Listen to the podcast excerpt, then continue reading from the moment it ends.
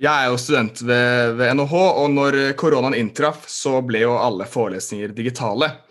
Og da tok man i bruk Zoom, men Zoom er jo slik at du kan ikke snakke over 40 minutter uten å betale penger for det. Og dette her ble et problem hvor vi konstant måtte få nye linker av forelesere. Og det ble liksom knotete, og det endte opp at NHH bare kjøpte masse Zoom-brukere til foreleserne, og så hadde vi jo et uh, unlimited antall minutter uh, på forelesning. Og jeg vil tro at kanskje Zoom tjente ganske mye penger på, på NHH, men det initielle produktet var jo gratis. Da lurer jeg liksom, Hva er um, egentlig det her freemium-modellen som, som, Zoom bruker, og er det en modell som du tror vil vedvare fremover? Altså, eh, Freemium er jo en forretningsmodell, som du egentlig sier. og altså, Du er egentlig inne på, på svaret om hva egentlig en freemium-modell er. Eh, det er at man har en ganske sånn grunnleggende, en sånn basic eh, modell med et tjenestetilbud til, til, brukere, som gjerne er gratis. Eh, og Så har man andel del av tjenesten som gjerne kommer med ekstra kostnader. For å få liksom, flere features, sånn som f.eks. Lengre møtetid, og innenfor spill kanskje litt sånn Jeg vet ikke. Hva, altså, hva, hva, bruker man til innenfor spill? Og I innspill så er det særlig de siste kanskje ti årene så har jo multiplayer-spill vært veldig dominerende. og det handler jo om både liksom, mobilteknologi og bredbåndteknologi som har gjort det mulig at spill har blitt mer og mer multiplayer. Og i multiplayer-spill så er det jo ekstremt viktig å ha motspillere. Produktet eksisterer jo egentlig ikke med mindre du har motspillere. Så spillbransjen har ofte vært litt i forkant kanskje på den freemium-modellen, fordi de må liksom skaffe mange mange brukere så fort som mulig for å helt tatt bli et interessant produkt. Og da har man ofte brukt freemium-modellen, kanskje på litt annen måte enn eh, Zoom og andre modeller, hvor de heller satser på at rundt 90% aldri betaler, mens 10 eh, betaler. Da, eh, på universitetet så var jeg faktisk med å lage et spill, og da husker vi definerte de eh, som betalte for resten, for sånne whales, da, hvaler, som betaler for resten av eh, brukerne. Uh, jeg er litt usikker på hvordan det er i egentlig resten av bransjen. Om de IT-bransjen og softwareprodukter, om de også gjør det samme. Kan jeg bare spørre om noe, for det jeg har, jeg har tenkt på med sånne, sånne gratis spill, er jo på en måte at du ofte har en annen type valuta inni selve spillet. Eksempel at du kan kjøpe 500 mynter for 40 kroner, og så må du bruke 100 mynter for å få tak i én diamant, som kanskje gir deg et ekstra liv, eller kanskje gir deg et ekstra kostyme.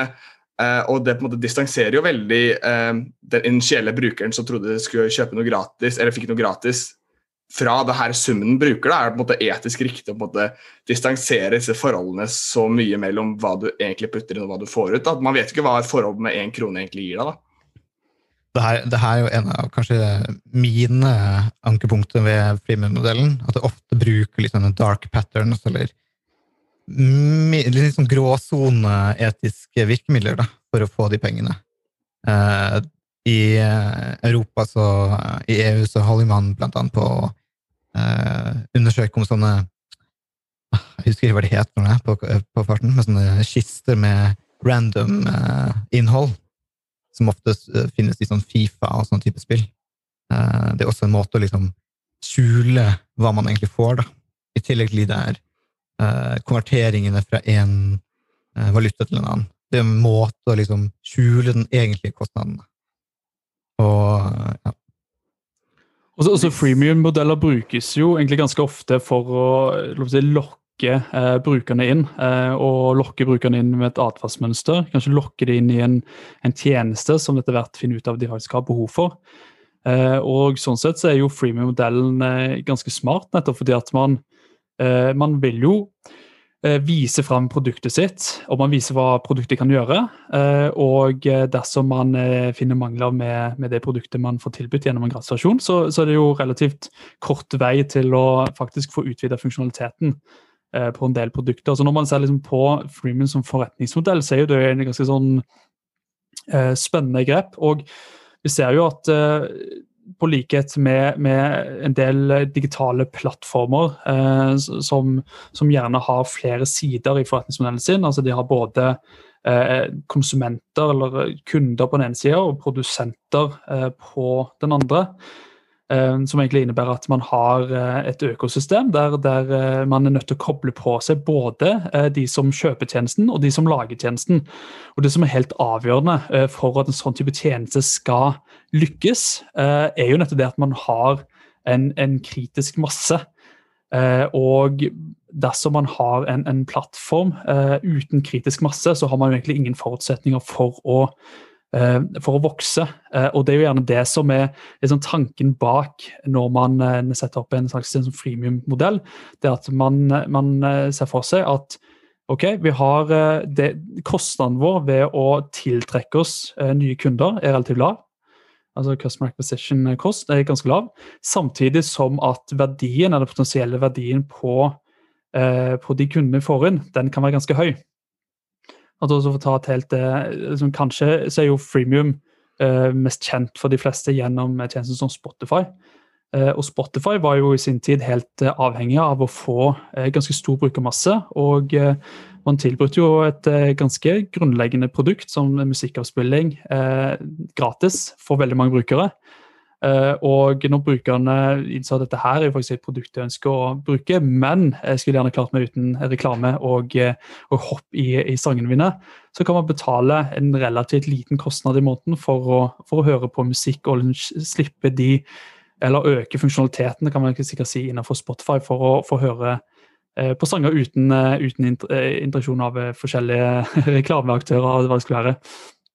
Jeg syns jo Spotify er et ganske interessant eksempel, også fordi de nettopp bruker litt av de dark patterns uh, i sitt grensesnitt. Da. At uh, de, siste, jeg, de, siste, to årene så har de gjort sånn at det er umulig å Måten de liksom gjør at brukerne har lyst til å bruke Spotify, er ofte at de har personalisert opplevelsen sin, blant annet ved å lage masse spillelister.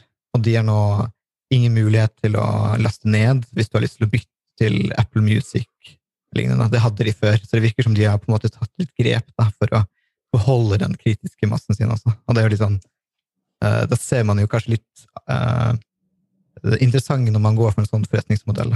Man må gjøre litt forbrukerfiendtlige ting uh, for å beholde den brukermassen sin. Og Det er litt sånn winner takes it all-dynamikk både i freemium-modeller og de, de digitale plattformene som snakker om. Eh, for Det er jo flere eksempler der man, man, ser at dersom du blir en stor, stor aktør, kanskje den største, eh, så har du helt vanvittige muligheter til å tjene penger både på kundebasen din, men òg generelt da, i, i, forretningsmodellen din.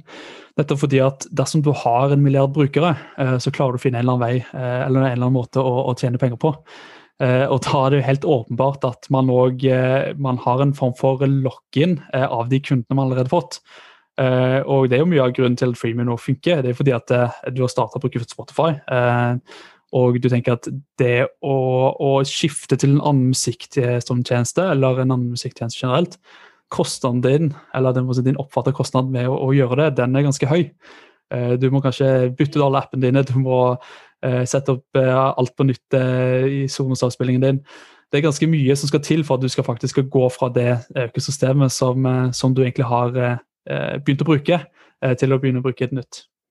Men du, du nevner jo det her med, med, winner takes it all og customer acquisition cost, eh, Snorre. Fordi jeg leste studiet om at faktisk mellom 2005 og 2010 så var kostnaden å anskaffe en ny kunde mindre enn halvparten av det den er i dag. Og Det er bl.a. med du sier de her utrolig store aktørene som tar så mange og får en milliard brukere. Og det er vel, Jeg så vel at det er vel over 90% av apper på AppStore nå er gratis. Men hvis man da ikke klarer å få den her store brukermassen som gjør at man faktisk blir lønnsom, vil freemium-modellen vedvare blant liksom nye, mindre aktører? Er det noe som fortsatt, fortsatt vil være lønnsomt for dem? da? Det er vanvittig eh, stort og vanskelig spørsmål. Eh, det vil nok være mange som prøver. Eh, og freemium er jo en en, sånn strategisk grep man kan gjøre for å, for å tilegne seg de volumene. Men det, det, som nok er grunntanken eller kongstanken med det å tilby en freemium-modell, det er jo nettopp det at man skal klare å vokse, vokse brukermassen sin. Og det er mange gode eksempler på, på aktører som har gjort det i, i senere tid. Uh, Martin, du har jo bl.a. Eh, nevnt tidligere for meg at Slack uh, har brukt, brukt, denne modellen. Og, man, og, det, og, det, er jo noe som kom, kom, i etterkant av flere andre mer kjente freemium-modeller. Jeg, jeg synes jo sånn strategisk så kan det også være veldig smart av selskaper å gå for freemium-modellen hvis man vil være en, altså en ny eh, konkurrent i en marked, fordi eh, eksempel store firmaer har jo sånne procurement-prosesser hvor de skal anskaffe eh, nye produkter og tjenester hvis de koster penger, men ofte så kan man unngå det hvis det er gratis. Mm. Eh, og da kan jo man faktisk gjøre for en bedrift avhengig av Slack uten å måtte gått gjennom den prosessen. Og Slack har jo en sånn modell at etter 1000 meldinger så forsvinner meldingene. Nesten litt sånn ransomware-virus. Men det gjør jo at hvis en hel bedrift har blitt avhengig av den gode tjenesten, da, så har man kanskje lyst til å betale for å søke opp de gamle filene man har lagret i tjenesten, eller lignende. Så Slack har en veldig interessant modell.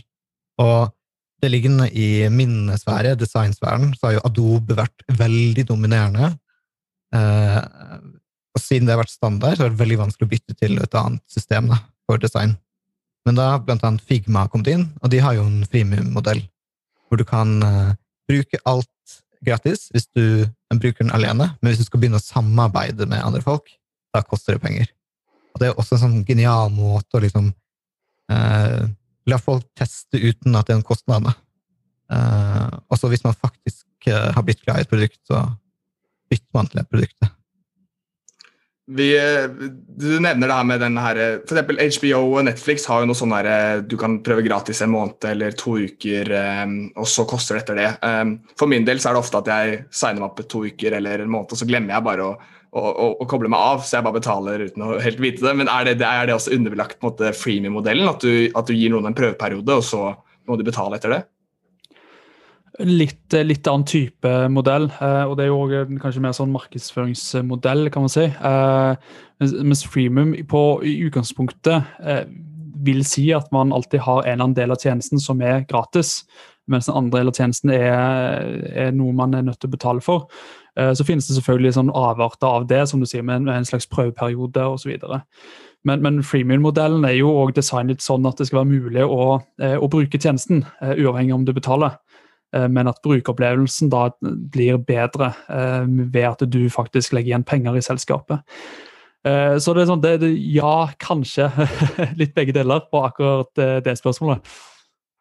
Jeg syns det er ofte interessant å se på Eh, den delen av forretningsmodellen til freemium-plattformer hvor eh, du faktisk har betalt, eh, sånn som Slack og Figma, hvor de gjør det ekstremt enkelt å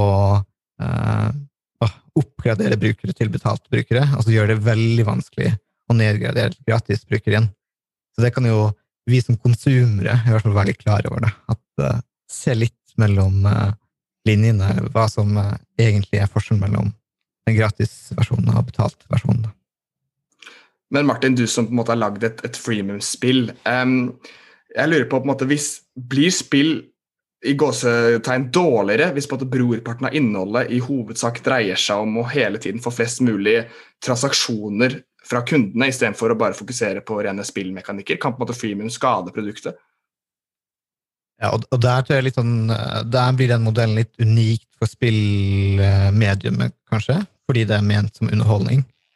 Uh, men i spillbransjen så snakker man jo om forskjellen på liksom pay to win, hvor du betaler for fordeler i et spill, og så har du liksom eh, der du kan betale for eh, overfladiske ting, da.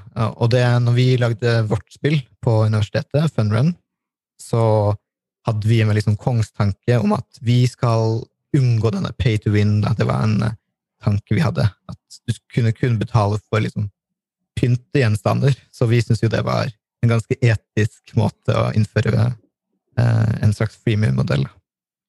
Eh, men da fikk vi også litt sånne sinte tilbakemeldinger på hvorfor kjører ikke figuren min raskere nå som jeg har betalt eh, denne blå figuren. Eh, så det var jo veldig morsomt at folk hadde en forventning. Da. De, og det å betale var liksom en måte å vinne. da. Og på spørsmålet til Elias eh, om eh, freemium med en eh, forretningsmodelltype som vedvarer, eh, svaret på det er vel eh, litt som Det ble som å spå i, i telløvene her, men eh, ja, mest sannsynlig en eller annen avart. nettopp fordi at man ser til historikken at det har rett og slett vært veldig suksessfullt. og Mange av de eh, virksomhetene og spillprodusentene som har brukt den modellen, har jo lyktes eh, Noen har lyktes veldig godt med å tilegne seg store volumer av, av, brukere. Og til syvende og sist er jo det eh, det viktigste for veldig mange, om ikke de aller fleste, eh, digitale produkter og tjenester.